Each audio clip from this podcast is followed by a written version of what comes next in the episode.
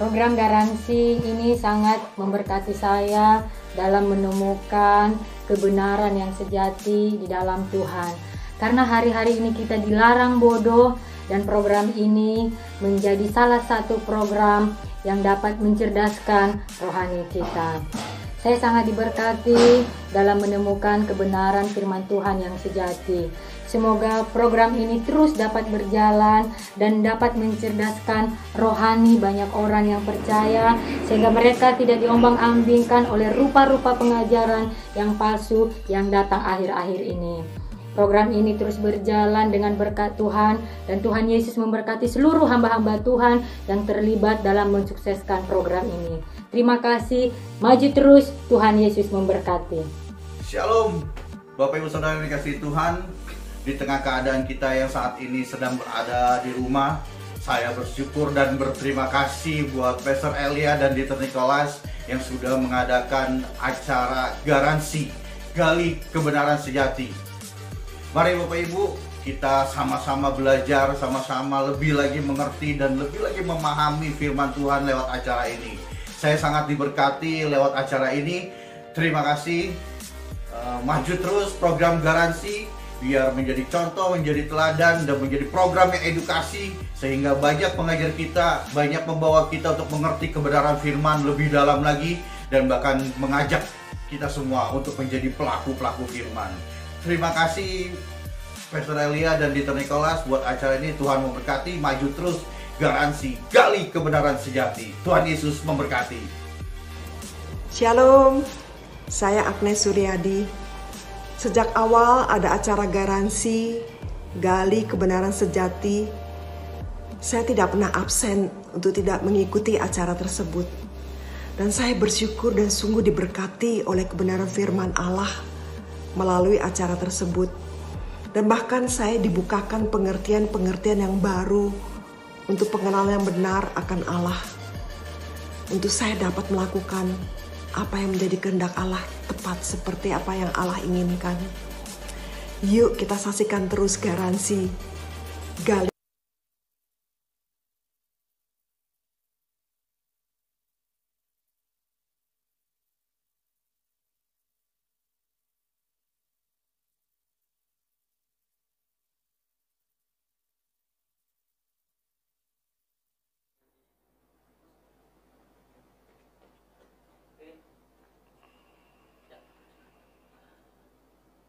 Shalom. Selamat malam buat para pendengar setia garansi. Terima kasih sudah join dengan kami, tetap setia mendengarkan gali kebenaran sejati, KL. Iya. Shalom saudara, apa kabar? Di mana pun teman-teman semua berada, saya percaya berkat Tuhan terus melimpahi semua saudara kita. Menyertai Bapak Ibu ya.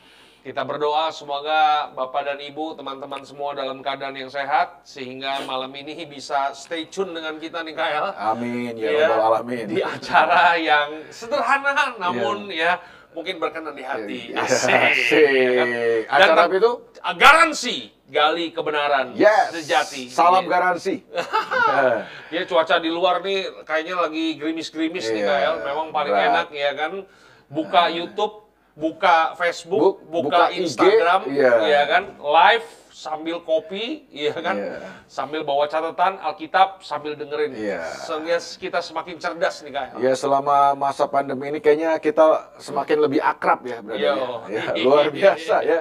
Uh, justru uh, di masa pandemi ini kita bisa punya teman kenalan yang lebih banyak lagi dan kita bisa saling berbagi diskusi tentang kebenaran saya pikir ini sesuatu yang luar biasa. Karena teman-teman kita atau para pendengar kita ini ternyata bukan dari Jakarta aja Kyle. Wih dari mancanegara. Dari, dari Kalimantan ada. Dari Kalimantan ada. Dari Ambon ada. Papua ada ya Kak Makassar. Makassar. Manado. Manado. Kediri. Kediri. Iya, Madiun. Pare. Iya. Banyak deh. Sampai Amerika, Bro. Sampai Amerika. Terakhir kemarin sampai Filipina. Filipin, iya. Filipin. Oke, okay? iya. jadi pendengar kita udah cukup lumayan banyak. Terima kasih buat dukungannya. Terima kasih buat teman-teman. Jadi hari ini kita live di mana aja, Kyle? Di Facebook di Facebook. Nah, hari ini Facebook di Facebook Kaelia sama Facebook Kaditer. Nah, yeah. ya kan?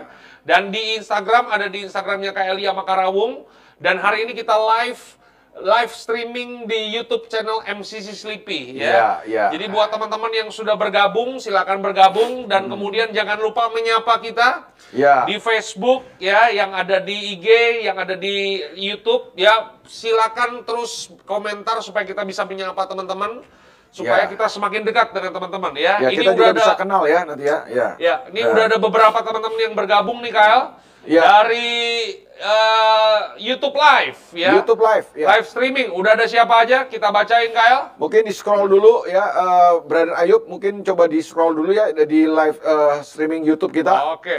Wah, ada Bu Erlina Tampu Bolon. Shalom. Luar biasa. Shalom Ibu Erlina. siap ikut yeah. garansi katanya. Yeah. Haleluya. Salam sehat Bu Erlina ya luar biasa ya. Ada dari Glacio Community, ya. Wow. Glacio Community keren nih Kyle. Iya. Lagi duduk sambil bernyanyi, tidak lupa nyalain TV. Saat kau nonton garansi, berasa deket pujaan hati.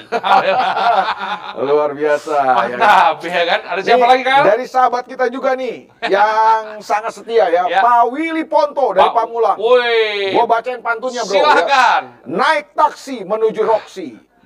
Enak lewat jalan layang Memang garansi makin seksi, bikin hati semakin sayang. Oh, iya. Willy Poto tambahin lagi di bawahnya. Tarik bang katanya. Oh, nah, ya. Taksi bro, sebenarnya ditarik kalau taksi ya kan.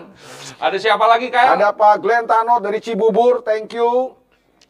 Tina Malau, shalom Tina Malau. Ada Pingkan Tamboto, shalom. Ada Marisa, ada Make Caroline, uh. Salam Kingdom. Wah, ada Wahyu juga, Wahyu ngomong Salam King Kingdom, dahsyat. Oh, ya. ya, haleluya. Wah, ada rekan kita dari Papua, brother. Ya, Alex Alexander Bire. Bire. Ini Papua katanya udah jam 10, brother. Wah, Wah luar masih biasa. setia Masih malam setia, ya. ya.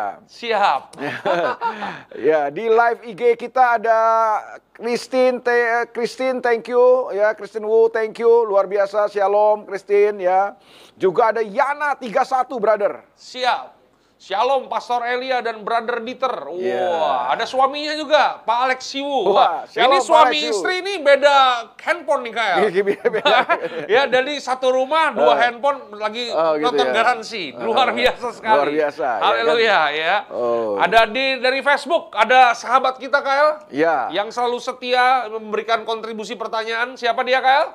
Rain Sofil, Rupita Ruth, Tobing, Shalom. Ya, kan? Siap. Dahsyat. Nih di Facebook sudah ada brother, rekan lu brother ya. ya. yang tidak asing lagi brother. Ya, ya. Pak Cornelius Layuk Sugi. Haleluya. Shalom Pak Cornelius dari Jangan Makassar. Jangan lupa Pak Cornelius untuk ya. kemudian memberikan kontribusi pertanyaannya kepada kita. Semangat selalu ya. ya. Ada siapa lagi? Ada Lusnian Sari, Siahan, Shalom Pak, dari Bukit Tinggi, Sumatera Wah, Barat. Sumatera Wah, Barat, haleluya. Luar biasa. Gue udah pernah brother ke Bukit Tinggi brother. Enak ya? Oh, uh, udaranya sejuk brother. Ya. Udaranya ya. sejuk, ada es krimnya Kak El. Iya. Nama iya. es krimnya es krim AU, tuh terkenal oh, tuh. Jadi buat iya. teman-teman yang mau pergi ke Bukit Tinggi, jangan lupa es krim AU. Iya, Mantap. Iya, sama nasi kapau. Wah, Wah dahsyat. Luar biasa. Ada ya kan? Henry Wijaya Kak El. Shalom Pak Henry Wijaya. Puput Yunus nih Kalimantan, uh, sekarang Kalimantan Utara bro. Kalimantan Utara, Wah, biasa ya. ya. Kaltara ya, Shalom. Siap. Ya. Shalom, salam kingdom, salam kerajaan. Ada Pak Martin Butar-Butar juga udah join dengan kita. Dari Makassar. Dari ya. Makassar, thank you. Thank you. Ya. Haleluya, hari ini kita akan membahas tentang ya tujuh surat kepada tujuh jemaat kak yeah. dan hari ini kita memasuki uh, gereja yang ketiga yeah, ya yeah. di sebuah kota yang bernama Pergamus. Pergamus. Kita udah bahas Efesus. Efesus kita udah bahas. Kita udah bahas Smyrna kemarin. Smyrna kita udah bahas. Jadi Efesus ini jemaat yang dipuji tapi juga dikoreksi. Siap. Ya, dipuji tapi juga dikoreksi dan koreksinya begitu keras. Yeah. Karena mereka meninggalkan kasih yang mula-mula. Kasih ya. yang mula-mula. Jemaat Smyrna, jemaat yang tidak ada komplain dari oh. Tuhan. Jadi Aku jemaat ya. Jadi ya. jemaat yang tetap setia di tengah-tengah penderitaan, Bro. Iya, setia sampai mati iya. ya. Dan hmm. belajar jemaat Pergamus telah mematahkan teori kemakmuran yang berkembang banyak hari ini. Oh, ya.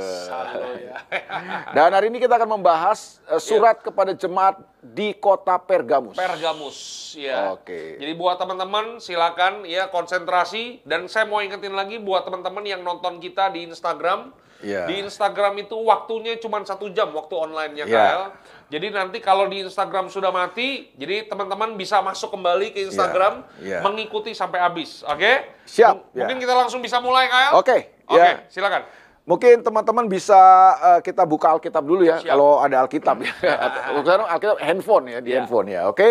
lu bacain dulu, brother. Siap. Uh, Wahyu pasal yang kedua ya. Ayat yang ke-12 sampai dengan ayat yang ke-17 ya. ya. Kepada jemaat di Pergamus. Ya. Dan tuliskanlah kepada malaikat jemaat di Pergamus, inilah firman dia yang memakai pedang yang tajam dan bermata dua. Ya. Ayat yang ke-13, Aku tahu di mana engkau diam, yaitu di sana di tempat tahta iblis. Dan engkau berpegang kepada namaku, dan engkau tidak menyangkal imanmu kepadaku, juga tidak pada zaman Antipas, saksiku yang setia kepadaku, yang dibunuh di hadapan kamu, di mana iblis diam. Ayat yang ke-14, tetapi aku mempunyai beberapa keberatan terhadap engkau. Di antaramu ada beberapa orang yang menganut ajaran Bileam, yang memberi nasihat kepada Balak untuk menyesatkan orang Israel yeah. supaya mereka makan persembahan berhala dan berbuat zina.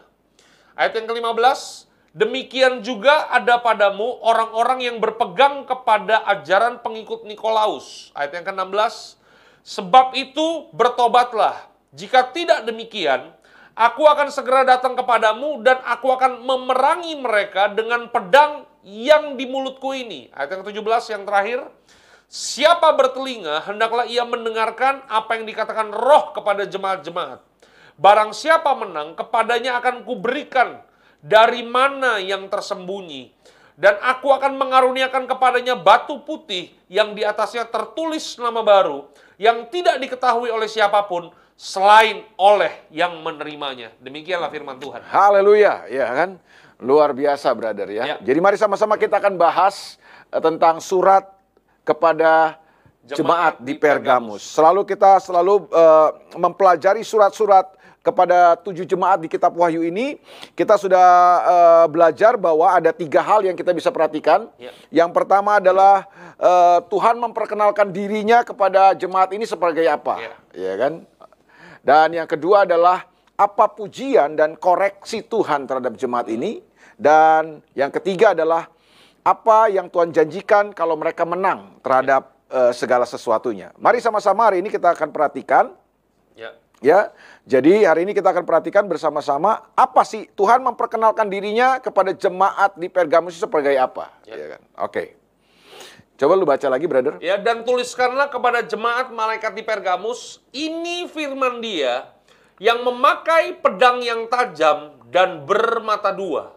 Jadi Tuhan memperkenalkan dirinya sebagai firman dia yang memakai pedang yang tajam dan bermata ya, dua. Karena surat Ibrani berkata firman Tuhan itu seperti pedang yang tajam, ya. ya. Pedang bermata dua, brother. Ya. Nah, berarti Tuhan memperkenalkan dirinya sebagai uh, Tuhan yang adalah firman Tuhan, hmm. ya kan? Ya. Jadi ini firman. Nanti kita akan lihat bahwa kenapa Tuhan memperkenalkan dia sebagai firman Tuhan, yeah. sebagai pedang yang tajam yang bermata dua itu. Uh. Jadi ternyata firman Tuhan itu juga bukan hanya untuk uh, orang kita menyampaikan bukan hanya untuk orang di luar, tapi juga firman Tuhan itu juga bisa datang buat kita, yeah. ya kan? Jadi, Jadi bukan hanya untuk yang mendengarkan, tapi buat yang memberitakan. Yang memberitakan juga, ya. iya kan. Jadi itu maksudnya ya. Jadi uh, inilah yang Tuhan perkenalkan dirinya. Lalu berikutnya kita belajar bahwa ini jemaat Pergamus adalah jemaat yang mendapat pujian, ya. tapi juga mendapat komplain, brother. Hmm. Nah, gue jelasin dulu tentang kota Pergamus ini, brother. Ya. Nah, kota Pergamus ini adalah satu kota yang sangat luar biasa pada zaman itu ya, brother ya. Pada masa ini kota yang luar biasa. Nah apa ciri daripada kota Pergamus? Di kota Pergamus ini begitu banyak sekali kuil-kuil, brother. Ya. Kuil-kuil yang dibangun untuk penyembahan berhala. Hmm. Ya, jadi uh, salah satu kuil yang besar di situ dibangun adalah penyembahan kepada Dewa Zeus, bro. Dewa Zeus. Dan kita sama-sama tahu setiap kali uh, kuil dibangun, dari situ ada praktek-praktek penyembahan berhala selalu diikuti oleh praktek-praktek perjinahan, bro. Ya. Karena biasanya di situ disediakan pelacur bakti dan lain sebagainya. Jadi penyembahan berhala itu selalu berkaitan dengan pesta-pesta kafir yang ujung-ujungnya kepada perjinahan. Iya. Nah, Makanya ada pelacur bakti ya. Iya, ya pelacur yang disiapkan di situ, iya. ya kan. Nah, jadi jemaat di Pergamus ini hidup di tengah-tengah kota yang seperti itu, brother. Hmm. Tapi Tuhan memuji mereka. Kenapa? Di tengah-tengah uh, kota yang begitu banyak tempat penyembahan berhala makanya uh, penulis apa surat ini di, dikatakan uh, kamu ada di tahta iblis. Yeah. Jadi kamu ada di tahta iblis maksudnya ini kota yang benar-benar nih sarangnya nih. tempat penyembahan berhala luar biasa gitu kan. Nah, itu sebabnya Tuhan memuji jemaat ini kenapa? Karena di tengah-tengah situasi kota yang penuh banyak penyembahan berhala seperti itu, ada sebagian daripada jemaat-jemaat di Pergamus ini yang tetap setia sama Tuhan, tetap pegang imannya. Iya, berpegang pada nama Tuhan. Nama Tuhan, mereka tetap pegang kebenaran, bro. Tidak menyangkal iman. Iya, mereka oh. tidak mau menyangkal iman mereka. Iya. Bahkan ada seorang yang bernama Antipas. Iya. Demi mempertahankan imannya, kemudian dia harus mati akhirnya. Hmm. Tapi dia dia rela mati demi mempertahankan imannya. Wah, luar biasa ya. Ya, Antipas namanya. Hmm. Nah, ada komplain bro dari yeah. Tuhan. Hmm. Jadi bukan hanya ada pujian, ada apresiasi, tapi juga ada komplain, ada koreksi dari Tuhan.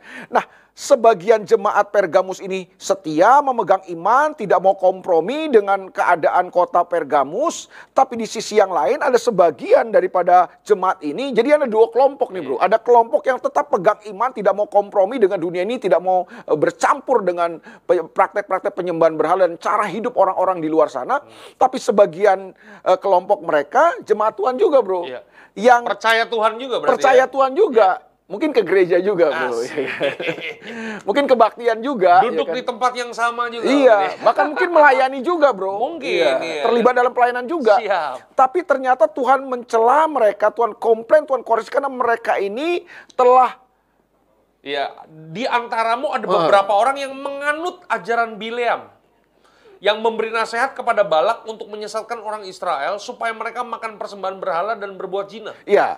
Jadi ada orang-orang dari kelompok jemaat di Pergamus ini yang kemudian uh, kepincut atau menganut pengajaran daripada Bileam katanya. Hmm. Nah pengajaran Bileam ini apa? Kalau kita belajar di perjanjian lama kan Bileam ini adalah orang yang tamak, yeah. ya kan yang oleh karena uang lalu uh, melakukan nubuat-nubuat yang palsu, nubuat kita jadi iya, tuh ya, kan, ya. ya.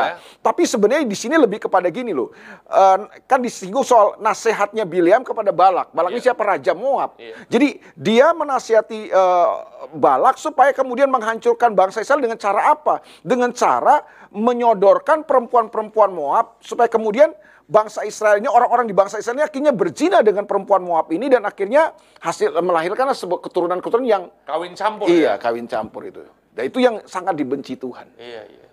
Jadi ini yang luar biasa. Jadi pengajaran Bileam ini yang dimaksud adalah jadi praktek-praktek dalam penyembahan berhala itu kan dekat dengan perjinahan kan. Hmm. Ada perempuan-perempuan yang ditawarkan. Jadi penganut pengajaran Bileam ini adalah orang-orang Kristen, orang-orang percaya, mungkin melayani kebaktian, tapi mereka juga ikut dalam cara hidup dan praktek-praktek ajaran Bileam penyembahan berhala dan uh, perjinan yang terdapat di kota Pergamus oh, itu. iya, iya. kompromi. Iya. Jadi hari Minggu mereka ke gereja, Wah, Senin sampai Senin Sabtu, Sabtu mereka, ya itu. Ada iya, di situ. Iya. Dan buat mereka, buat pengajaran ini, itu nggak apa-apa asik-asik aja. Asik-asik aja. Justru dua itu kali. masalah. iya kan. Jadi kalau yeah. di zaman sekarang tuh bahasanya KL ya, kalau hari Minggu cuci dosa. Iya. Asik. Iya. Senin sampai Sabtu sikat, sikat lagi, lagi. hajar iya, kan, lagi. Iya, kan? gitu ya. Hari Senin sampai Sabtu uh, duniawi. Duniawi. Ya. Hari Minggu rohani. Rohani. Ya, kan? Jadi rohaninya cuma minggu, Bro. Cuma minggu, iya, siap. Iya. Terus ada lagi kelompok yang menganut pengajaran Nikolaus, bro. Nikolaus, ya. Nah, menurut literatur yang gue baca, bro, pengajaran William dan pengajaran Nikolaus ini sebenarnya beda-beda tipis. Beda-beda tipis. Perbedaannya di mana kayak? Bedanya kalau pengajaran Nikolaus ini gini, uh, lu makan penye uh, uh, makan makanan yang sudah dipersembahkan kepada berhala, lu mengikuti uh, cara hidup orang-orang yang menyembah berhala itu nggak apa-apa, karena lu udah ditebus Yesus. Oh. Jadi penebusan Yesus udah semuanya. Wah berat. Jadi walaupun kok lu ikut makan bersama dengan mereka, makan makan ikut praktek-praktek penyembahan berhala itu buat mereka nggak masalah. Iya. Udah ditebus sama iya, Yesus. Iya, sudah ditebus oleh Yesus kita. Jadi ya mau kan? semau mau iya. putuskan semau mau uh, terserah gitu iya. kan ya. Kalau dalam bahasa sekarangnya kayak begitu. Iya. Okay. Sehingga yang terjadi adalah nilai-nilai di dalam gereja ini kemudian hancur, Bro. Kenapa? Orang-orang yang seperti ini, orang-orang Kristen yang seperti ini tidak ada disiplin. Iya. Karena pengajaran firman Tuhan kemudian dicampur dengan ajaran lain ya, iya. ya, ya. Dan kemudian di ajarkan gitu iya. ya? Jadi Tuhan itu kasih. Yesus sudah menebus kamu. Dia sudah selesaikan semua dosamu, masa lalu, mas, uh, dosa sekarang dan dosa yang akan datang. Udah semuanya dosamu semua udah dihapus. Jadi walaupun kita uh, terjebak dengan praktek-praktek orang-orang yang tidak mengenal Tuhan itu, orang-orang kafir pada masa itu, nggak apa-apa. Oh. Karena engkau sudah ditebus Tuhan sekali untuk selama-lamanya. Asik. Nah, jadi nggak apa-apa. Ya, iya, kan, gitu kan. Nah itulah yang terjadi sehingga nilai-nilai dalam gereja ini kemudian hancur. Mungkin ada pelayan Tuhan di situ yang uh, terjebak dalam kompromi-kompromi itu tidak ada disiplin, bro. Iya, iya. Jadi buat mereka sesuatu yang biasa aja. Jadi firman Tuhan atau kebenaran itu jadi murahan kan? Murahan, iya kan. Makanya Tuhan datang kepada mereka seperti pedang yang bermata dua katanya. Bahwa firman, firman Tuhan itu tegas. Yes. Iya. iya, iya. Firman Tuhan itu bisa datang untuk membalut kita, tetapi dia juga bisa datang seperti pedang yang akan menusuk kita. Hmm. Itu yang sering gue pernah uh, eh, gue pernah tulis di status gue bro. Yeah. Ada banyak orang yang lebih senang terbuai oleh kebohongan daripada ditikam oleh kebenaran bro. Aduh, luar biasa. Kadang-kadang kan ada guru-guru palsu yang mengajarkan pengajaran-pengajaran model begitu bro. Yeah, yeah. Ya inilah pengikut Nikolaus ini kan. Uh. Jadi mereka terbuai. Udah tenang apa pun yang kamu lakukan tidak akan mempengaruhi. Ui. Karena Yesus sudah menebus kamu gitu iya, kan. Iya. Nah, mereka terbuai, Bro. Iya. Padahal itu kan bukan sebuah kebenaran yang sejati kan. Iya. Nah, di mereka nggak senang kalau bertobatlah, ya kan. Jauhi dosa. Mereka nggak suka berita-berita gitu. Ya kan, berita-berita yang iya. tajam. Iya. Nah, berita sebenarnya firman Tuhan itu kan seperti pedang yang bermata dua yang bisa nah. memisahkan, uh, menusuk uh, sampai ke dalam kan katanya nah, gitu. Iya. Nah inilah ada dua kelompok dalam jemaat Pergamus yang satu merupakan orang-orang yang setia, tetap pegang kebenaran, tetap pegang iman mereka. Tapi sementara yang sebagian adalah orang-orang yang terjebak dalam kompromi-kompromi kepada dunia ini. Iya, iya.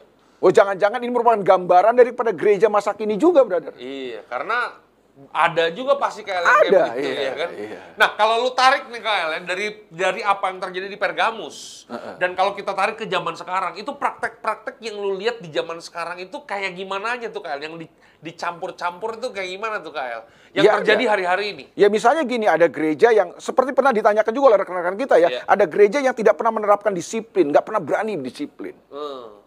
Iya kan?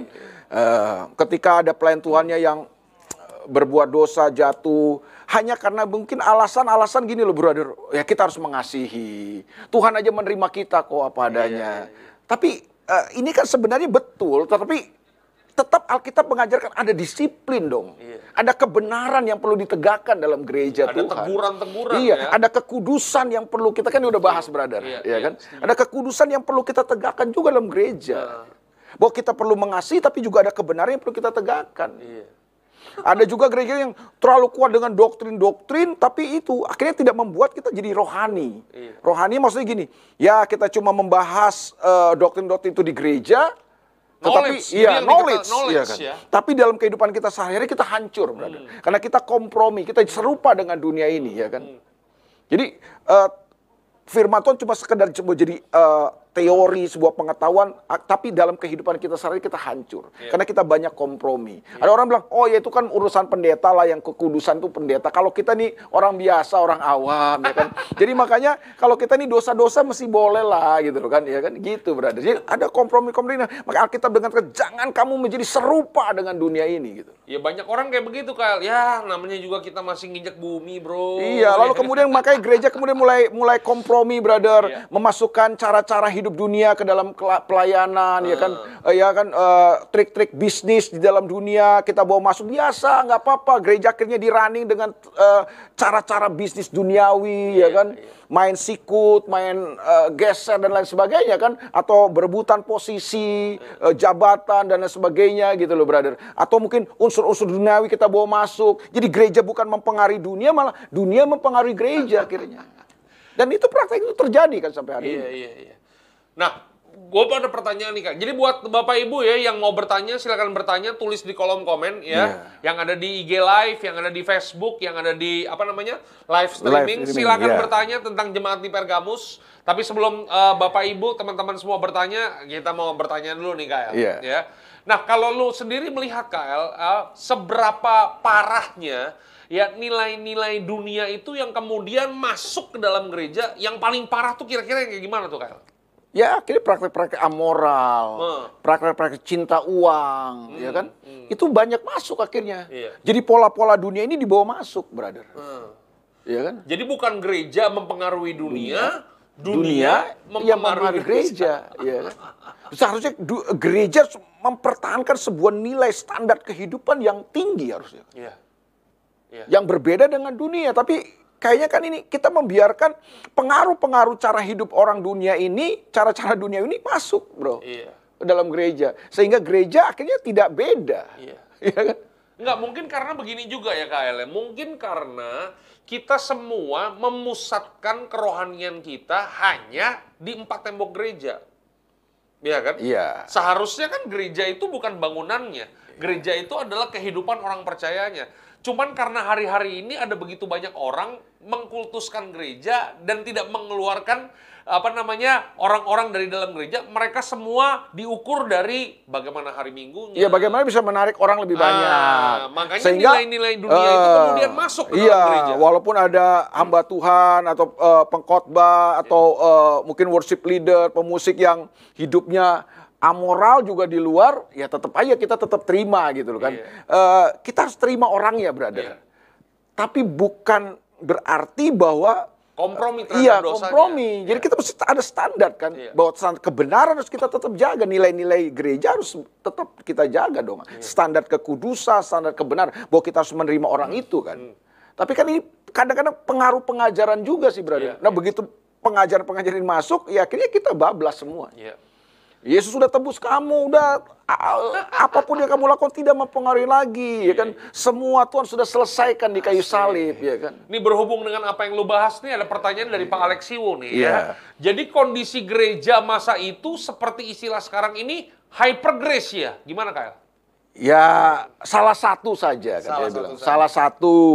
Tapi kan bukan hanya uh, hyper grace yeah. saya pikirkan, tapi juga ada kan. Yeah. Itu yang saya bilang gereja-gereja yang uh, orang-orangnya akhirnya uh, kita kompromi dengan dunia. Uh, cara memanage gereja, cara-cara bisnis-bisnis yang kotor kita bawa masuk ke dalam uh, mengelola gereja ya kan. itu yang terjadi juga kan banyak kan. Yeah. sehingga gereja dikelola bukan lagi dengan cara-cara firman Tuhan, brother. Iya kan? Ketika firman Tuhan menetapkan sebuah standar terhadap seorang pemimpin rohani uh, di Titus, di Timotius, ya kan, bahwa apa katanya uh, Hai penilik-penilik jemaat, ya kan bagaimana mengangkat seorang diaken. gembala, seorang diaken, ya kan dia hanya dia harus jadi suami dari seorang istri dan lain sebagainya, kan itu ada, ada, standar, ada standar saja. Dia seorang yang uh, cakap mengepalai rumah tangganya, yeah. karena bagaimana dia bisa mengepalai rumah Allah kalau uh, rumah tangganya ini dia nggak bisa kepalai, keluarganya dia nggak bisa pimpin, kan yeah. begitu. Ada standar-standar, tapi itu semua kan diabaikan, brother. Yeah. diabaikan semuanya gitu loh. Bisa gini kan juga KL, porsi, porsi. Dalam hmm. arti begini kita mengerti bahwa di gereja itu kan dua jam. Iya. Iya kan? Mungkin ada yang dua setengah jam, ya ada iya. ya kan. Terus kemudian, wah, present worshipnya mungkin porsinya lebih banyak, iya. entertainnya lebih banyak. Sedangkan firman Tuhannya cuma setengah jam. Iya. Nah, kalau lu sendiri melihat begitu gimana, Kael? Gereja yang kemudian lebih banyak menyuguhkan entertain daripada pemberitaan firman Tuhan. Apakah itu bentuk kompromi juga yang kemudian gereja lakukan hari-hari ini? Ya, gue sekali lagi tidak anti dengan relevansi, bro. Ya. ya kan? Tapi ketika relevansi kita bukan kepada firman Tuhan, ya. relevansi kita lebih kepada dunia, hmm. itu yang bahaya kalau menurut gue. Ya. Ya firman Tuhan itu kan bukan lamanya sih, brother. Ya. Bukan lamanya durasi firman Tuhan ya kan, ya. tapi firman Tuhan yang disampaikan benar nggak gitu, hmm. sejati nggak, ya. atau jangan-jangan firman Tuhannya sudah melenceng gitu loh, iya ya kan?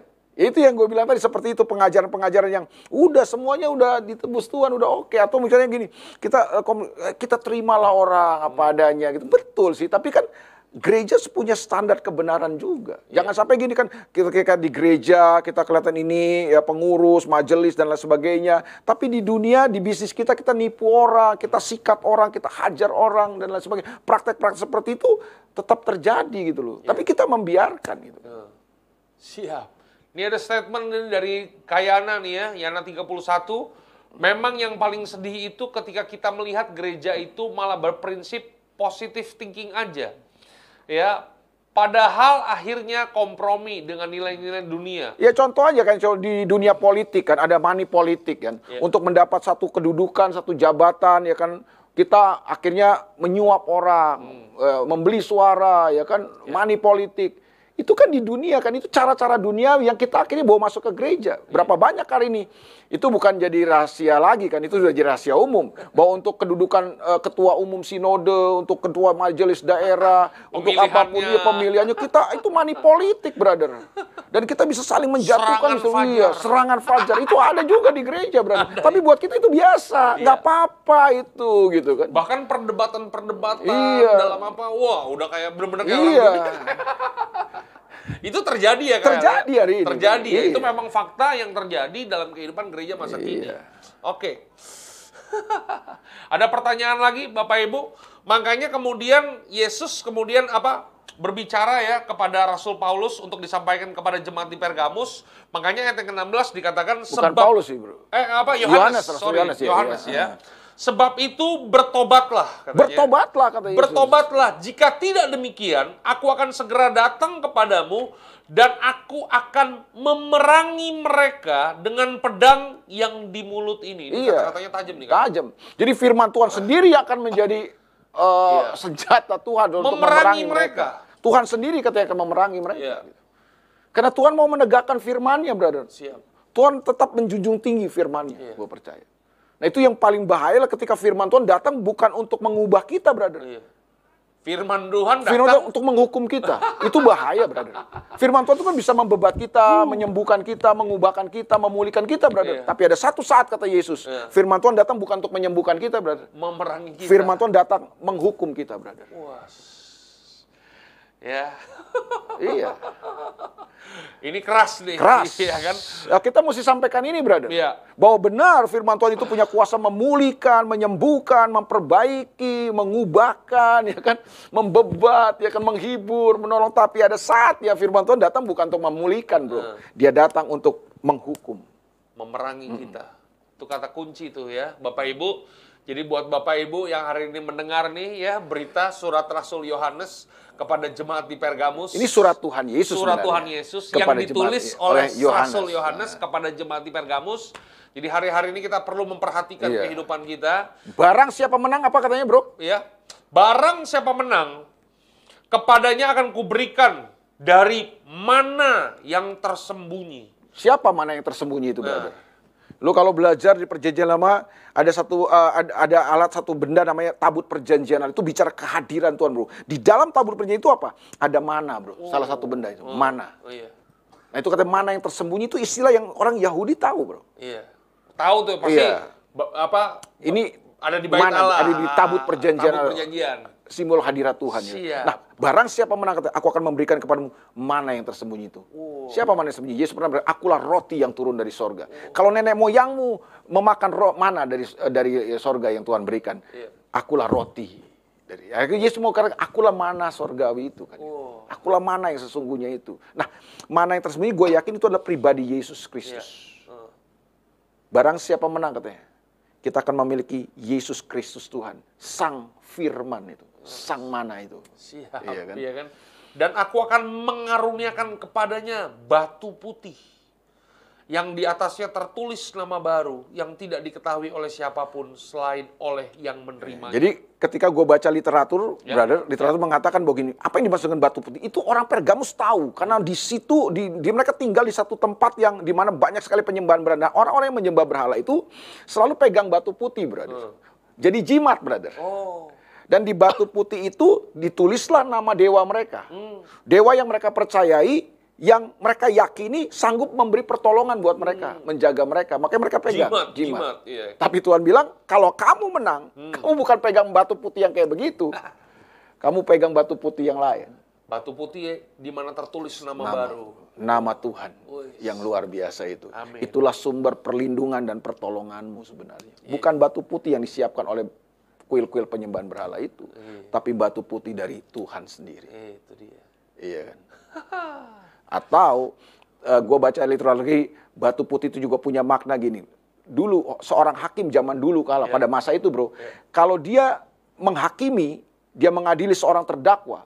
Kalau terdakwa itu bersalah, maka dia akan kasih batu hitam. Bro. Hmm. Dan di batu itu dia akan tulis nama dia sebagai hakim yang iya, mengadili. Yeah. Tapi kalau orang itu benar, terdakwa itu dibuktikan tidak bersalah, dia dibebaskan dari hukuman, hmm. maka yang diberikan kepada dia bukan batu hitam tapi batu putih, ditulis nama hakim yang membebaskan dia itu. Wow. Jadi kalau kita mengacu kepada literatur itu, yang dimaksudkan aku akan memberikan batu putih kepada kau kalau kau menang. Yang terus, jadi intinya maknanya adalah Tuhan akan membebaskan kita dari segala penghukuman. Hmm. Kalau kita menang yeah. dari kompromi itu, bro, yeah. Tuhan akan memberikan kita Amin. kebebasan dari hukuman. Jadi selama kehidupan kita, selama Tuhan masih mengizinkan kita hidup ya, tinggal nah. di gereja zaman now nih, iya. ya kan? Kita harus menjaga kemurnian kita ya, iya. ya kayak Jangan kompromi. Kompromi. Jangan, Jangan sampai... kamu menjadi serupa dengan dunia ini. Iya. Kita ada di dunia, bro. Oh, Sama okay. seperti jemaat Pergamus ada di kota Pergamus. Iya. Kota yang katanya tempat tahta iblis. Iya. Tapi cara hidup kita hmm. harus cara hidup yang berbeda. Cara hidup kerajaan Iya, Allah kita tadi. ada di dunia, hmm. tapi cara hidup kita bukan Siap. dunia. Seperti ikan yang lo filosofi ikan. Filosofi ikan. Coba apa, Bro? Filosofi ikan. Kita tinggal di air, tapi kita tidak tenggelam. Iya. Asik. Sama seperti ikan kan, iya. ada di laut, Bro, iya. tapi tidak asin, Bro. Asik. Mantap. Dia akan jadi ikan asin kalau dikasih garam. Bro. Ah, enak dimakan sama sayur asam. iya, bro. Sama kita ini di dunia, bro. Dunia ini ya udah nggak benar. Iya, tapi iya. jangan sampai kita jadi nggak benar gitu iya, kan. Iya, iya. Siap. Jadi yang nggak benar jangan masuk ke gereja gitu loh. Justru kita harus memerangi iya, tidak benar. Iya. Dengan cara apa? Dengan cara ya kita harus hidup sesuai dengan firman Tuhan. Iya, supaya ada bedanya, brother. Iya, siap. Ini ada pertanyaan lagi dari Pak Willy Ponto. Wow. Pamulang, Shalom. Tuhan mengingatkan adanya pembusukan dan penggembosan dalam ajaran dan moral dalam gereja. Bagaimana gereja membekali jemaat agar cerdas dan waspada mengantisipasi penipuan ini? Iya. Makanya pengajaran yang benar itu harus, brother. Ya. ya kan? Makanya menurut kita tidak ada jalan lain. Ya. Jalannya adalah pemuritan, brother. Hmm. Di pemuritan itu orang bukan sekedar diajar, bro. Hmm. Tapi di pemuritan itu orang akan dididik, dilatih untuk menghidupi apa yang diajarkan itu. Ya. Jadi pergilah, jadikanlah semua bangsa murid. Hmm. Ya kan? Dan baptislah mereka dalam nama Bapa, Anak dan Roh Kudus kan. Yeah. Dan ajarlah mereka untuk melakukan yeah. segala yang kuperintahkan. Jadi itulah proses yang dalam pemuritan. Hmm. Maka gereja harus kembali kepada pemuritan. Itu strategi Tuhan dari dulu. Karena langsung heart to heart. Iya. Orang tuh orang kayak. Mereka diajar, hmm. tapi bukan sekedar diajar. Diajar bukan sekedar untuk tahu. Iya. Iya kan? Diajar untuk melakukan firman hmm. Tuhan. Gitu. Diajarkan yang benar, Bro. Iya. Untuk melakukan kebenaran itu. Iya. Saya pikir itu yang kita bisa sodorkan ya. Karena mungkin hari-hari ini gereja banyak mengajarkan segala sesuatu, tapi amanat agung memberitahukan iya. kepada kita ajarlah mereka melakukan Bukan. segala sesuatu. Jadi Wah, gereja sekarang iya, gereja sekarang fokusnya kepada acara, Bro. Ah. Acara kebaktian. Acara kebaktian. Acara ibadah. Makanya itu yang di, kita kemas, Bro. Makanya bagaimana caranya supaya menarik? Ya cara-cara dunia kita ambil. Hmm. Wah ngeri bro kalau kita ngelihat sekarang kan TikTok lah dimasukin ke gereja ya kenapa lagi tuh bro? Wah iya, segala iya. macem lah stand up komedi lah dimasukin ke gereja semua dimasukin bro yang ada di dunia ini sekarang dimasukin bro ke dalam gereja bro. Dicampur-campur kayak. Iya. Nah menurut lu sendiri Kael ya seperti yang kita lihat nih di apa akun-akun satir nih akun-akun kayak gereja palsu nih ya yang sedang mungkin hari-hari ini juga pada pendengar kita tahu nih akun ini akun satir namanya gereja palsu ya kemudian akun-akun gereja palsu ini kemudian menyerang prak, apa praktek-praktek yeah. pendeta-pendeta yang ya kayak gitu Kael. Yeah. Ada yang main TikTok dan segala macam. Nah menurut lu sendiri gimana sih Kael? Kalau seumpamanya kita hamba Tuhan ya kan standar apa maksudnya porsi-porsi apa sih yang standar-standar apa sih yang seharusnya kita harus ini loh, nggak boleh yang ini, gitu kan? Maksud gua sebenarnya kembali kepada fokus kita apa sih? Yeah. Hmm. Fokusnya apa? Firman Tuhan bukan Yesus bukan, yeah. iya kan? Harusnya kembali ke situ aja. Kalau udah bukan fokusnya Yesus, itu kita keliru. Yeah. Kalau fokusnya bukan firman Tuhan lagi udah susah. Jadi gue nggak anti dengan kayak TikTok segala macam, boleh-boleh aja. Boleh-boleh aja. Tapi jangan sampai TikToknya itu akhirnya lebih dominan menggantikan firman dan Yesusnya, bro. Nah, sering kali terjadi banyak iya. seperti itu ya, Kael ya. Ini kan trik-triknya iblis pinter bro sama ya, kayak kita malam hari ini lah iya. ya kan kita kan pakai media-media iya. pakai Instagram pakai Facebook iya. tapi kemudian ini hanya sebagai Semua sebuah kan media iya. ya, diarahkan nah. supaya pada Yesus dan firman-Nya ah itu dia Kael ya Tapi yang bahaya kan ketika apa? Itu yang udah jadi utamanya jadi kan.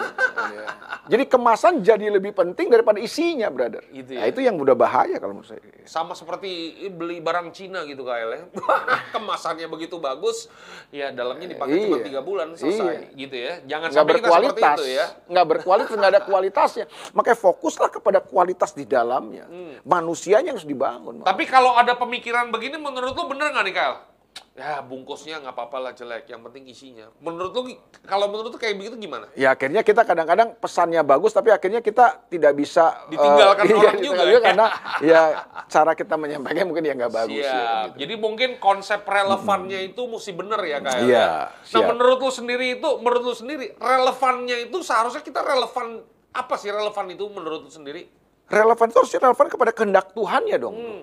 Setiap generasi Tuhan punya kehendak kan. Yeah bahwa kehendak Tuhan itu tidak akan pernah bertentangan dengan firman Tuhan pasti iya, kan. Iya, iya. Tapi dalam setiap generasi kan Tuhan bergerak dengan caranya, dengan iya. kehendak. Tapi kehendak Tuhan yang harus kita tuntaskan. Nah, nah relevansi kita harus ke, kepada kehendak Tuhan itu. Jangan sampai relevansi kita kepada lebih kepada dunianya, iya. cara-cara dunianya gitu iya, kan.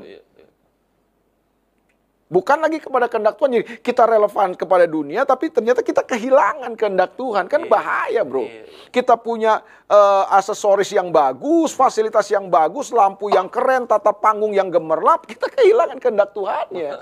kehendak Tuhan mau kita hidup dalam kekudusan, kehendak Tuhan mau hidup kita dalam kebenaran, kehendak Tuhan kita mau uh, menjangkau orang-orang di luar sana, ya kan, untuk kerajaannya. Kita hilang akhirnya ya itu lebih mengejar iya, sensasi daripada iya, esensi iya. lagi ya. Ini ada statement nih dari Pak Herbert, brilian. Wow. Salam garansi Indonesia. Wah, berat nih. Udah mulai ditambah-tambahin Indonesia nih kayak. Yeah. Pastikan nama kita tertulis dalam buku kehidupan bersama Yesus Kristus. Haleluya. Oh. Amin. Thank amin, you, amin. Pastor Herbert. Siap. Ada pertanyaan lagi nih dari Pak Martin Butar-Butar. Ya, yeah. yang pertama, tujuh jemaat ini isinya adalah orang Yahudi terbuang atau merantau atau penduduk lokal non Yahudi? Oh, kalau menurut catatan literatur adalah ini adalah uh, jemaat-jemaat yang dirintis yeah. oleh rasul-rasul ya, hmm. terutama Rasul Paulus banyak ya. Yeah, yeah. Uh, ini kan terletak di Asia Kecil. Yeah. Jadi tentu ini bukan orang Yahudi. Mungkin ada orang Yahudi, tapi uh, ini rata-rata orang-orang yang non Yahudi, non -Yahudi. Ya, yang kemudian bertobat oleh pelayanan rasul-rasul yang terbanyak ya Rasul Paulus tentunya ya. ya. Rasul Paulus dan teman-teman ya. Jadi kalau kita berbicara gereja zaman dulu itu bukan gereja denominasi kayak ya, ya, tapi gereja kota. Gereja kota. Makanya ya. suratnya ditujukan kepada gereja di kota tersebut iya, gitu ya, ya. ya. Oke. Ada pertanyaan yang kedua nih dari Pak Martin Butar-Butar, kita lahir ya dari dengan latar belakang tradisi suku Bagaimana dengan tradisi yang boleh atau tidak? Ya, Contohnya ibadah tujuh hari orang mati atau kami orang Batak makanannya dicampur dengan darah. Gimana tuh kak ya? Dengan budaya. Iya kalau buat saya budaya. budaya itu harusnya adalah budaya. Buat saya kalau itu sekedar tradisi budaya no problem ya. Yeah. Tapi kalau tradisi dan budaya itu bertentangan dengan firman Tuhan, yeah. ya iya. kita harus belajar tegas kayak penyembahan-penyembahan berhala ya, gitu ya. ya. Udah berkaitan kayak tujuh hari itu ibadah, eh, tradisi tujuh hari misalnya kan ya. ditanyakan. Nah ini tujuh hari motivasinya apa nih? Hmm. Kalau kita berdoa buat arwah yang meninggal kan nah. kan tidak bertentangan dengan firman Tuhan. Iya, gitu, iya, iya, iya. Nah, gitu ya kan. Iya kan? Mengucap syukur. Iya, kalau udah tujuh hari tapi kita bersyukur. Kenapa? Yeah. Karena Tuhan sudah melakukan kehendak yang terbaik, ya kan? Jadi tradisinya tetap ada, kita ubah pemaknaannya yeah. gitu loh. Boleh saja kan. Disejajarkan iya. dengan firman, firman Tuhan. Tuhan. Jadi selalu kebenaran firman Tuhan menjadi standar dan ukurannya. Yeah. Fokusnya harus firman Tuhan kembali ya terus kami orang Batak makanan dicampur dengan darah. Wah ya. saksang nih saksang nih ya, ya Alkitab berkata kan di dalam darah. Kenapa kita boleh makan di dalam darah? Itu ada nyawa. Ada nyawa. Iya gitu loh. Itu masalahnya. Kan itu firman Tuhan bilang kan gitu. Siap ini ada pertanyaan lagi nih dari Rupita Rut. Mamiuri Tobing Pak El. Gimana caranya menjalankan proses pemuritan di gereja tetapi di gereja tersebut belum ada yang capable untuk membimbing atau memuridkan. Dalam artian minim pewahyuan tentang firman Tuhan. Uh, harap hubungi Brother Dieter Nicholas di nomor sekian sekian sekian. Di Instagram at Kingdom Culture Community. Iya, uh, bisa nanti uh, siapa ini uh, rekan Tarut. kita Rupi Tarut bisa menghubungi uh, Brother Dieter Nicholas. Atau Instagram ya? Ya, atau Nicholas. bisa menghubungi Herbert Brilian Saragi. Saudara uh, uh, Saudara Rupita bisa uh, cari Herbert Brilian ya di IG ya. Iya. Bisa mungkin ditanyakan di sana. Kita sharing-sharing sharing, dulu sharing, ya. ya. Karena mereka ini adalah orang-orang yang sudah menjalani uh, pemuritan-pemuritan di luar gereja. Ya. Ya, oke. Okay.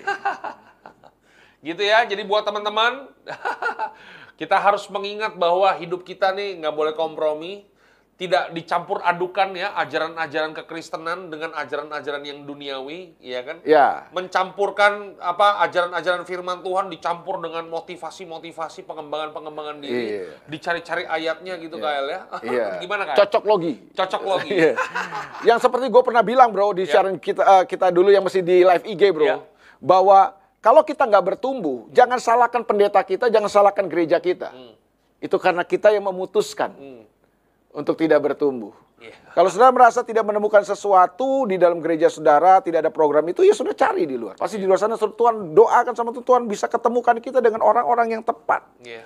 Upayakanlah, karena pertumbuhan tidak pernah terjadi dengan sendiri, kita perlu upayakan. Yeah. Sama seperti kita nonton drama Korea kan, kita upayakan untuk mencari gitu ya. Tapi kita kadang-kadang untuk itu kita begitu antusias, tapi untuk pertumbuhan iman kita, rohani kita, kita nggak mau upayakan. Karena gitu. pertumbuhan rohani itu nggak bisa datang dengan sendirinya. Tidak datang dengan sendirinya. Perlu kita kejar, perlu kita cari. Upayakan. Diupayakan, ya, ya kan? Siap. Sama seperti saya dengan Kak Elia nih ya. Saya ketemu Kak Elia nih, kita mungkin udah ketemu 5-6 tahun yang lalu 6 Kak Elia. Yang lalu. Tadinya saya nggak kenal dengan Kak Elia tapi ya karena saya berusaha selama dua tahun untuk mencari keberadaannya, bagaimana saya bisa terhubung dengan Kak Elia, akhirnya sampai hari ini kita bisa ada acara garansi karena upaya tadi Kak Elia. Yeah. Jadi jangan pernah berhenti untuk mencari kebenaran, jangan pernah berhenti memiliki hati yang mau dimuridkan. Haus.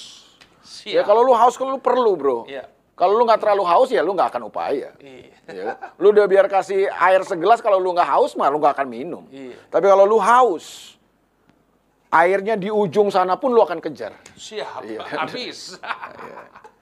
Oke. Jadi, oh, ini ada lanjutan nih. Rupi Tarut, ya, main murid Tobing.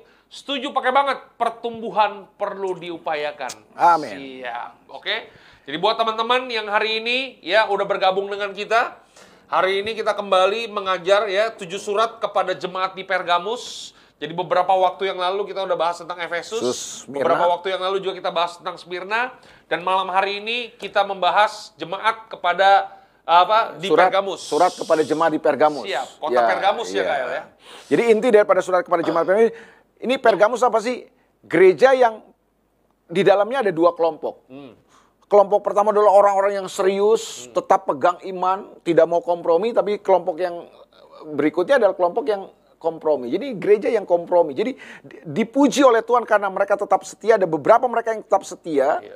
tapi dikomplain, dikoreksi oleh Tuhan karena ada beberapa mereka yang kompromi dengan dunia, bro. Yeah. Dengan cara-cara hidup dunia. Yeah. Dengan pengajaran-pengajaran yang akhirnya membawa mereka, mendorong mereka untuk uh, kompromi dengan dunia ini. Yeah, yeah kompromi dengan akibatnya apa sih Kael kalau boleh tahu kalau kita kemudian kompromi dengan dunia ini kita kira-kira akibatnya apa Kael? Ya kita jadi orang ke sini yang duniawi. Gitu ya? Iya nggak bertumbuh. Badan ya. kita ada di gereja, gereja kita iya. melakukan aktivitas iya. ritual kita, iya. tapi cara berpikir iya. kita, respon-respon iya. kita duniawi banget. Kristen cap salib. Capnya doang salib bro, ya kan? Hidupnya mah bukan salib ya kan, mobilnya, cuma capnya doang. Mobilnya bro. stiker haleluya, iya, ya iya. tanda salib gede-gede. Iya, ya hidupnya kan? halelupa, haleluyo ya kan. okay. ya, nggak ini ya, ya ininya bahasanya kalau di luar shalom ya kan. Ya. Tapi kalau di luar sialan ya kan.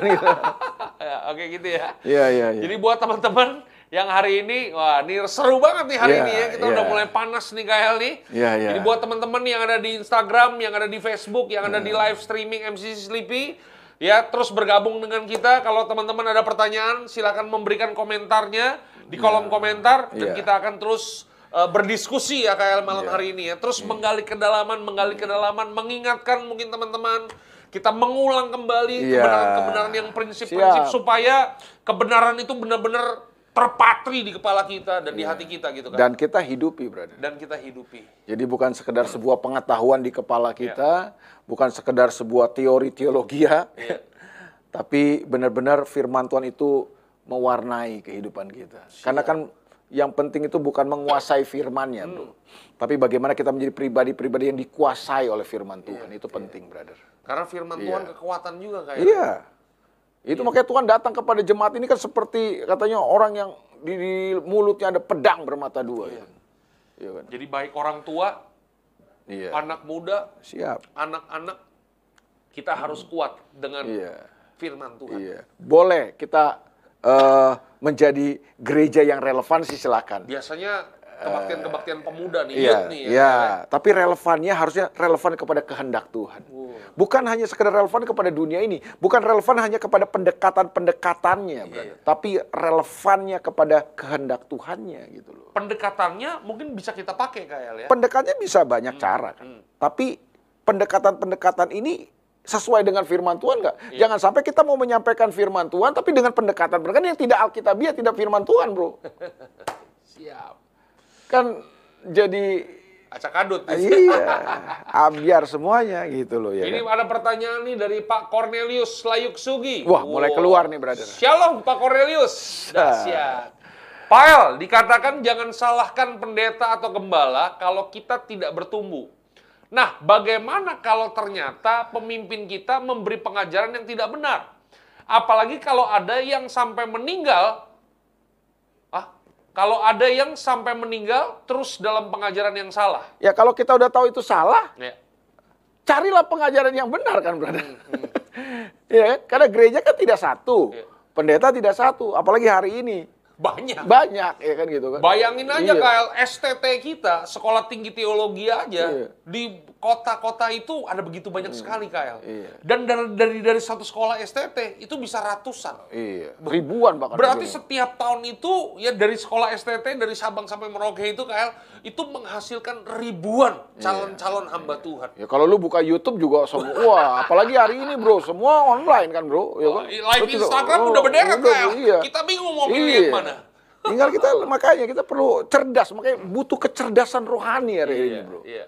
Supaya waktu kita nggak bertumbuh, kita tersesat, jangan salahin orang gitu loh, bro. Jangan salahin pendeta kita, jangan kita udah ada di situ, kita nggak bertumbuh, kita pemahamannya nggak pernah beranjak, kita tetap di situ gitu kan. Iya, iya bukan gue suruh keluar bro orang dari gereja, tapi ayolah kita berupaya cari mungkin sumber-sumber lain gitu kan. Mungkin kita tetap ada di gereja, tapi kita mungkin cari sumber-sumber lain, mungkin kita bisa dimuridkan oleh siapa, kita mungkin bisa menerima pengajaran siapa, kita bisa belajar atau mungkin kita uh, membentuk suatu kelompok, semacam kita diskusi satu dengan yang yeah. lain gitu loh.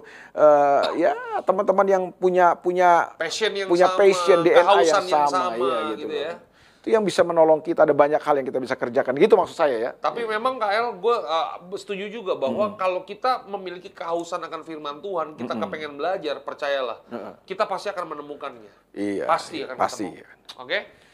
Ada pertanyaan lagi dari Ibu Liana Tan ya. Shalom Ibu Liana Tan. Shalom Bu Liana. Salam. Pak Elia, sebenarnya boleh tidak berdoa bagi orang yang telah meninggal?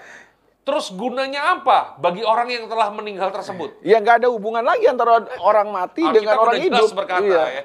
Orang yang hidup iya. dengan orang yang sudah mati itu close. Iya. Bahkan dalam kitab ulangan berkata itu sebuah kekejian. Kalau kita berdoa buat arwah orang yang telah meninggal, iya. itu kekejian di mata Tuhan. Hmm. Karena tidak ada lagi hubungan. Hmm. Dan itu merupakan celah untuk akhirnya iblis menipu kita, bro. Oh. Ya, nah, ya itu. Beberapa waktu yang lalu bahkan ada yang lebih ekstrim kan. Hmm menikah dalam roh. Oh. Karena kalau kita enggak, kalau kita mengacu kepada perumpamaan Yesus ya tentang Lazarus dan orang kaya kan, yeah. ya kan. Lalu orang kaya ini kan dalam dalam dalam penderitaannya itu kemudian dia bilang begini, tolong dong Bapak Abraham uh, suruh Lazarus kasih tahu uh, apa ada saudara-saudara saya yang masih hidup yeah. di iya. dunia supaya mereka uh, bertobat, bertobat yeah. dan tidak mengalami seperti saya. Yeah. Abraham bilang nggak bisa, udah untuk saudara-saudara kamu yang masih hidup ada hamba-hamba Tuhan, ada kitab suci yang sudah mengatakan itu gitu kan. Nggak ada karena tidak ada lagi hubungan, brother. Iya, iya kan. Jadi mungkin kita berdoa buat orang meninggalnya itu bukan berdoa karena udah nggak ada hubungan, tapi iya. lebih kepada menguatkan keluarga yang iya, ditinggalkan iya, gitu makanya kan. kalau kita datang ke dukaan bukan doain mayatnya bukan doain yang meninggal bangkit bangkit waduh bukan. berat kayak ya kalau Tuhan suruh suruh bangkit itu boleh sih berat tapi kalau Tuhan nggak kasih uh, pesan kuat ya kita doakan keluarga yang ditinggalkan ya kan? iya, iya. supaya dia dihibur menghadapi situasi yang sulit ini berpisah dengan orang yang mereka kasih tetap semangat dan tetap bisa melihat rencana Tuhan dan maksud Tuhan. Dan kita juga biasa. harus mempercayai bahwa orang kalau meninggal di dalam Tuhan, iya. ya dia kan hidup selama-lamanya iya, bersama iya, dengan Tuhan iya. ya kan? Gitu ya, kan? Siap. Oke. Ini ada pertanyaan lagi nih dari Grace Satya Putra. Wah, iya. ini anak anak ini nih, anak Sudirman Park nih. Woi, shalom Sudirman Shalom, Kak Grace. Terima kasih Pak Elia dan Bro Dieter sudah membuat kami cerdas lewat program garansi. Salam kerajaan, salam komunitas. Wow, ya, statement ya. ternyata kayak. Iya, iya, iya. Ya, ada Bapak Ibu yang hari ini mau join dengan kita, yang sudah join dengan kita silakan bertanya. Hari ini kita terus membahas program apa namanya? Surat kepada jemaat di Pergamus ya. Ini wow. ada pertanyaan nih dari Tina Malau. Pernyataan, Bro. Pernyataan, ya. Bukan pertanyaan. Bukan. Pernyataan. Sangat paham sharing malam ini. Tidak ada pertanyaan. Terus maju, garansi ya. ya statement ini, Bro. Statement Pernyataan, bukan pertanyaan. Ya, jadi supaya disapa kayak ya. Iya, Tina Malau dari Shalom, Tina Malau. Penguritan Sunter nih. Haleluya. Kita sapa ya. Thank you buat statementnya Tina Malau. Uh, sorry nih Tina, nih Brother Dieter nih kalau udah lihat kalimat tulisan disangkanya per pertanyaan. Gue nggak lihat ujungnya kayak. ya sorry ya Bapak Ibu ya karena mata Tapi saya kita, kecil. kita terima kasih nih ya ada pernyataan, ada pertanyaan, kita tetap bersyukur, berarti. Kita tetap bersyukur. Pernyataan-pernyataan ini kan bisa uh, memberi semangat, semangat juga support. meneguhkan ya kan yeah. apa yang kita bagikan hari ini kan. Yeah. Silakan, saudara mau kasih pertanyaan atau pernyataan silakan yeah. ya. Iya. Semua pasti untuk membangun ya. Amin. Yeah. Apalagi kalau Bapak Ibu yang mendengar kita hari-hari ini yeah. ingin memberikan testimoninya kayak. Waduh, lebih mantap lagi ya. Lebih yeah. mantap lagi uh, ya kan. Yeah. Ya. Oke. Okay. Thank you. Ini ada hmm. uh, apa nih? ya Lus Niarti Sihaan ya. berdoa untuk orang yang meninggal adalah kekejian bagi Tuhan. Doakanlah keluarga yang ditinggalkan supaya dihiburkan dan dikuatkan. Baik Pak Elia. Siap. Oh, Statement iya. lagi ya. Iya. Oke. Okay, Ada iya. siapa lagi nih? Ada pertanyaan nih dari Kayana. Iya. Nah, Kayana 31. Kalau kita berasa di dalam fellowship yang kita diberikan kebenaran firman Tuhan yang benar, tetapi bersikap seperti menolak karena sudah lebih senang terbuai dengan yang enak di telinga, bagaimana itu kak? Ya itu yang saya bilang tadi kan, nah. kan, yang gue bilang tadi bro. Orang ya. lebih senang dibuai iya, kebohongan iya, daripada, daripada ditikam, ditikam oleh kebenaran. Kadang-kadang kebenaran itu memang datang menikam kita, brother. Iya. Wah rasanya, waduh. Karena sifat dari kebenaran itu kontroversial. Iya. Ya. Karena kan dibilang seperti pedang bermata dua. Tidak mengenakan daging, iya. ya.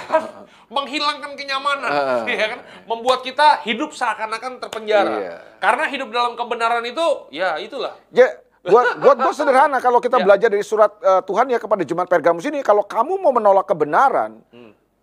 satu saat hmm. kebenaran dan firman Tuhan itu tidak lagi datang kepada kamu sebagai sesuatu yang menguatkan, memulihkan, hmm. menyembuhkan, tapi dia akan datang untuk memerangi kamu, menghukum Hukum, kamu. Ya. Karena dia seperti pedang ya. yang tajam, pedang bermata dua yang hmm. tajam.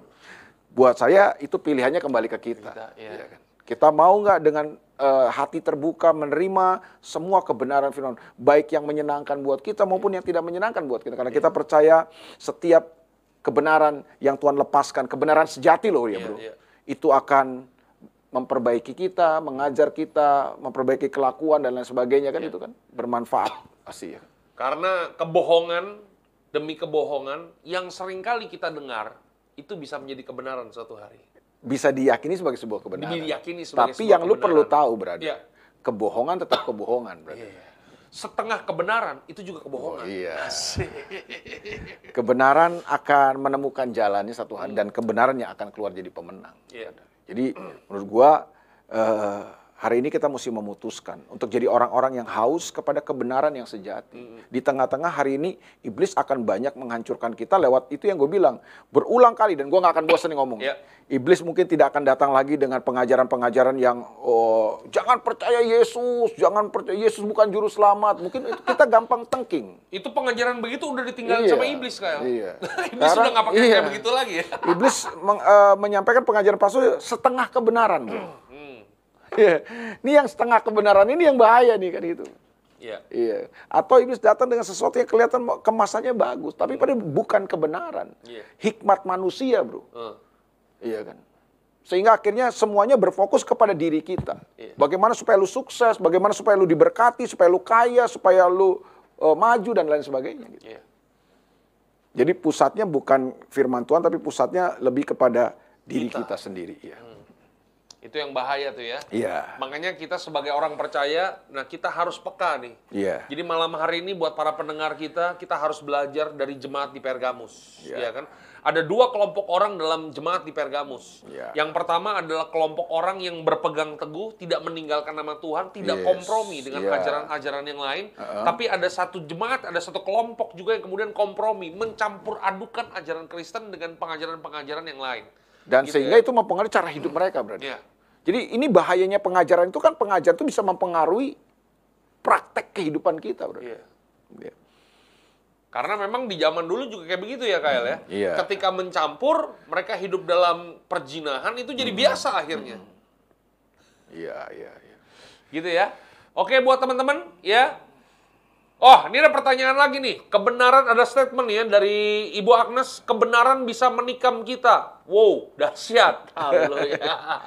Kadang-kadang firman Tuhan datang itu seperti pedang yang bisa yeah. menikam kita. Siap. Tapi selalu tujuannya itu bagus. Hmm. Karena saya percaya kalau firman Tuhan datang menikam kita, kita mati pun yang mati kedagingan kita. Uh. Tapi roh kita roh kita akan dibangkitkan Amin. Bro, ya kan? Ya. oleh firman Tuhan itu gitu. Lanjutan pertanyaan ini dari Kayana.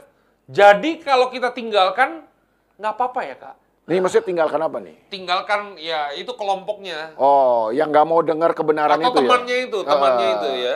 Ya, ya berteman berteman aja bro. Yeah. Kan uh, itu kan ada tingkatan juga. Lu yeah. boleh ada orang-orang yang kita mungkin bisa jadi teman yeah. ya kan. Tapi untuk jadi sebuah sahabat komunitas yang benar-benar bisa kita uh, bertumbuh, saling membangun, ya mungkin dia bukan pilihan kita. Iya, iya. Tetap berteman aja kan. Kan kita bisa berteman dengan semua orang. Karena suatu hari dia pasti akan ya, Tuhan akan bagaimana caranya ya, untuk dia berbalik ya, ya ya. Pokoknya ya selama dia mungkin uh, tidak uh, menjauh dari kita uh. ya kita harus tetap terima dia padanya, brother. Ya, iya. Kan?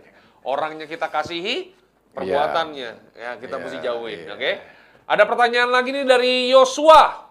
Bislisin. Wah, Pak, saya ada pertanyaan bagaimana pandangan Bapak tentang nama Allah itu bukan nama sesembahan orang Israel sehingga ada gereja dengan doktrin yang mengganti nama Allah dengan bahasa asli. Bahkan gereja tersebut juga tidak menyebut Yesus tapi menyebut dengan bahasa aslinya yaitu Yesua. Bagaimana pandangan Bapak tentang hal ini? Terima kasih. Salam dari Karawaci, Tangerang. Iya. Haleluya. Ini memang perdebatan yang sudah lama sebenarnya, iya. tapi ya, tahun ya. Ya, tapi mungkin kalau kita bisa jawab secara walaupun ini uh, lepas dari konteks kita ya iya, malam iya. ini, tapi nggak apa-apa lah. Terima kasih buat uh, saudara Yosua udah masuk ya.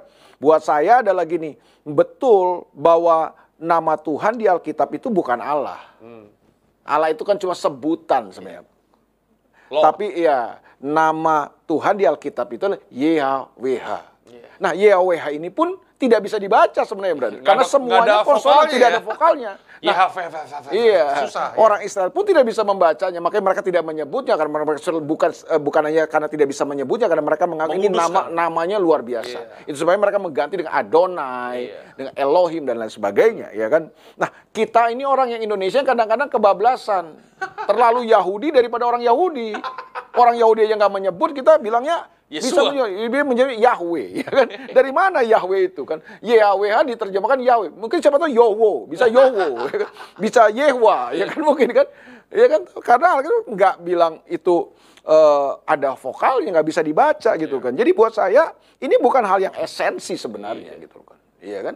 Bahwa ketika kita sebut Allah, kita tahu kan itu Yesus yang kita sembah. Iya. Nah, kalau Yesus ya memang bahasa Ibrani Yesua. Bahasa Yunaninya Yesus. Berkembang ke bahasa Indonesia Yesus. Iya, iya, iya. Kan itu masalah perkembangan bahasa aja, ya kan? Dan orang, kalau kita orang, menyebut Yesus, orang, orang Yahudi juga banyak yang namanya Yesus iya. kan? Orang Yahudi, eh orang Cina bilang Yesu. Iya kan?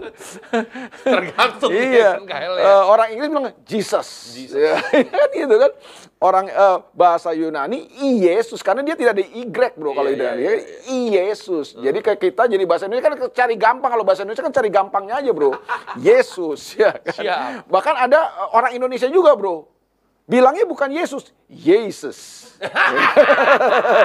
Ada tuh, gue kenal tuh. Herbert tahu nih, Herbert nih. Herbert tahu nih, bro. Itu Indonesia yang iya, Inggris-Inggrisan iya, kayak ya? Dikawinkan iya. itu kayak. Yesus, saudara ya kan gitu. Bukan Yesus. Siap. brother Marcel tahu nih, brother. Ya kan? Yesus. Ya kan? Tapi yang penting bukan lafalnya kak ya. Bukan, bukan ya kan? Kepada siapanya gitu nah, kan. kan? Siap. Kita kenalnya dia kan. Yeah. Ngalaminya siapa nih? Ngalami yang mana nih? Iya. Ngalami Yesus yang Spanyol itu atau Yesus yang sang raja Mesias yeah. Tuhan kita itu ya kan itu itu yang penting. Siap. Iya kan? Karena memang bablas iya, nih kayak pengajaran-pengajaran. Iya, ya. oh, lebih sibuk ngurusnya kayak begini gitu. Kita harus mengacu ke semua yang Yahudi, iya. semua yang asli. Wah, iya. Iya sama kayak bilang lu nama lu kan Dieter Nichols. Dit dit dit lu nengok kan ya kan gue tahu. Kalau gue ngomong dit ya lu tahu lah yang gue maksud siapa ya kan? Kalau bisa ya jangan sekedar nama-namanya ya Loh, kayak teman gue kecil tuh zaman Yesus teman gue kecil bro. ya. teman gue kecil tuh manggil gue eng. Nama gue Elia Duta Makarong dipanggilnya eng. Iya. begitu dia panggil eng gue nengok bro. Nama gue kan bukan eng sebenarnya iya. tapi mereka manggil gue eng. Siap ada yang eeng. Gue tetap nengok bro, karena gue tahu yang dia panggil itu gue, brother. Teman-teman gue yang di sekolah kita panggil gue Acoy. Ah, itu lebih lebih jauh lagi tuh. Lebih jauh lagi. Dari Dieter ke Acoy. Itu kalau ada yang manggil gue Acoy, pasti anak sekolah Alkitab tuh. Tapi gue nengok juga kan. Iya, iya, iya. iya. Oke. Okay? Jadi jangan sampai pengajaran-pengajaran ini ya, ya ini ya jangan buang energi untuk ngurus yang kayak gitu lah. Betul, Siap. saya betul. Allah itu bukan nama Tuhan, nama Tuhan itu YHWH. Iya. Cuma kan bisa terjemahin juga. Iya. Orang Yahudi aja nggak bisa. Iya. Nah, kita lebih Yahudi dari orang Yahudi. Siap. ya, orang Yahudi zaman dulu masih naik keledai. Iya. Ya, Yesus. Siap, siap. Dah siap. Kael, ya, kita tinggal 10 menit lagi nih ya, waktu kita udah nggak ada lagi. Iya. Jadi closing statement Kael, silakan, gue persilakan. Belajar dari gereja Pergamus adalah jangan jadi gereja yang kompromi dengan dunia ini. Karena waktu kita belajar, kita menjadi gereja yang kompromi, jadi anak Tuhan yang kompromi, satu saat firman Tuhan akan datang. Bukan untuk membebat kita, menyembuhkan kita, memulihkan kita. Firman Tuhan akan datang untuk menghakimi, menghukum kita. Iya. Tapi kalau kita menang, kita bertobat dari kompromi ini. Alkitab dengan jelas berkata. Tuhan akan memberikan kepada kita mana yang mana tersembunyi. yang tersembunyi. Dan batu putih. Batu putih. Yang di atasnya ada nama yang ditulis. Siap. Ah, haleluya. Itu ya. Jadi jangan sampai kita kompromi dengan hmm. apa pun juga. Straight terhadap firman Tuhan. Karena firman Tuhan suatu hari akan datang untuk memerangi kita. Bukan untuk membebat dan memperbaiki kita lagi. Siap. Ada saatnya firman Tuhan akan datang untuk menghakimi kita. Siap. Menghukum kita. Mantap. Oke, hari Waspadalah. ini Waspadalah. Waspadalah. Okay. Jangan jadi gereja yang kompromi. Amin. Ya, Haleluya. kita mau nyapa-nyapa dulu nih, Kyle. Siap. Ya, buat teman-teman yang udah join dengan kita, yang udah kasih komentar dengan kita, kita akan sapa-sapa hari ini. Ini merupakan bagian yang uh, penting juga, brother. Siap. Ya, kan? Kita senang karena kita bisa uh, mengenal ya, saling mengenal ya. Ada siapa brother? Lu sebut brother? Ada Ibu Erlina Tampu Bolon, Shalom, terima kasih udah bergabung. Ya, ya ada Glazio Community, ada Pak Willy Ponto dari Pamulang, ada Pak Glenn Tanot, terima kasih sudah setia ya. Pak ya, ada Tina Malau, ada Pinkan Tamboto, nih mereka berdua dari Sunter KL. Salam Sunter. Ya, Marisa Sidarta, ada Meike Caroline, ya ada Wahyu, ada Alexander Bile dari Papua ya kayak Oh ya, ini jauh nih bro. Ya, ya Tuhan memberkati. Ya, hmm. Ya ada Rain Sofil, ada Ibu Rupita Ruth, ada Rain Junior, ada Martin Butar-Butar, Maria Rompis, ada Sri Lestari, ada sahabat kita yang selalu setia, Pak Cornelius Layuk Sugi. Yuni bro. Ada Kak Yuni ya. Yun, thank you Yun. ada saksiannya kita sedang menunggu yang lain. ya, ya, okay. Ada Puput Yunus, ada siapa lagi Kael? Silakan. Oyo Angkau, Leonardi Cahyadi, Lusnia Risiaan, Christine, ada Yana 31 Alexiu, Henry Wijaya, Abraham Agustin, Sugito Wong, Matiro Henry ini dari Makassar brother. Siap. Ini rekan kita nih, Pak Henry. Thank you Pak Henry. Ada Herman, ada Surya Sitor, Marle, ada Sami Nugroho, Ruben, ada Ferry Suragalapian, Brother Ferry Suragan, thank you. Brother Jeremy Boy dari Surabaya, thank you Brother Jeremy. Rika Sanis, ada Papa G, Herbert Brilliant. Ibu Rosana Anwar, thank you Bu Rosana Anwar, Tuhan berkati. Ada Rocky Taga, Pak Tony Mumua dari Makassar juga, ada Koni Oro dari Manado ini brother. Yeah. Raymond Oi dari Ambon, Ambon. thank you brother Raymond. Roni JR, Ben Fokus, thank you oh, Pak Ben. Siap. Santi Monangin dari BSD, Grace Setia Putra, Buliana Tan dari Bekasi brother. Nih. Siap. Ciko Rantung, thank you Ciko. Lisa Lopez, ini Kalibata nih ya, gue bilang jemaat gereja garansi nih bro. Bu Agnes, thank you. Yosua Bilisin, thank you. Ari, dan semua kita susah nih brother mau sebutin satu mau persatu sebutin satu-satu terlalu banyak kayak terlalu banyak. udah masuk yeah. ya. Tapi buat teman-teman yang udah setia, terima kasih buat kepercayaannya selalu yeah. kepada kita. Brother Diki Darmawan juga thank you ya. Oke. Okay. Uh. Eh. Terima kasih buat kehausannya selalu mengikuti garansi KL. Siap. Kita akan uh, bersambung lagi yeah. ya di hari Sabtu KL jam 19.45 yeah. sampai jam 21 dan kita akan membahas jemaat keempat KL yeah. ya. Jemaat di Tia Tira. Nah, okay. ini supaya kita Kristen bro, abisnya Kristen bro. Ya. Lu doa bro. supaya lebih Kristen kita berada. Siap, ya kan? kita berdoa ya. Bapak kami dalam sorga, terima kasih Tuhan buat hari ini. Kalau hari ini kami boleh berbincang, kami boleh belajar, kami boleh berdiskusi, kami boleh bertanya, Tuhan, Biar kiranya kebenaran hari ini benar-benar terpatri yes. dalam kehidupan kami. Amen. Jangan biarkan kehidupan kami seperti ada beberapa kelompok di jemaat Pergamus yang kemudian mengkompromikan firman Tuhan, mencampur adukan firman Tuhan. Tapi ajarlah kami Tuhan supaya kami boleh terus menang dalam kehidupan ini. Sehingga mana yang tersembunyi, batu yang putih boleh kami peroleh pada saat nanti engkau datang yang kedua kali ya Bapak. Matraikan kehidupan Tuhan. kami, kasihmu selalu menyertai kami supaya dalam uh, kehidupan kami yang hari-hari ini terjadi masa-masa yang sukar COVID-19, kehidupan kami sehat selalu yes, ya Bapak. Amen. Penyertaan Tuhan sempurna dalam kehidupan kami. Terima kasih Bapak. Dalam nama Yesus, haleluya. Amin. Oke? Okay? Shalom. Shalom, Tuhan memberkati. Salam kerajaan. Salam kerajaan. Sampai berjumpa di acara kesayangan kita. Garansi, gali kebenaran, kebenaran sejati. God bless, God bless you. you.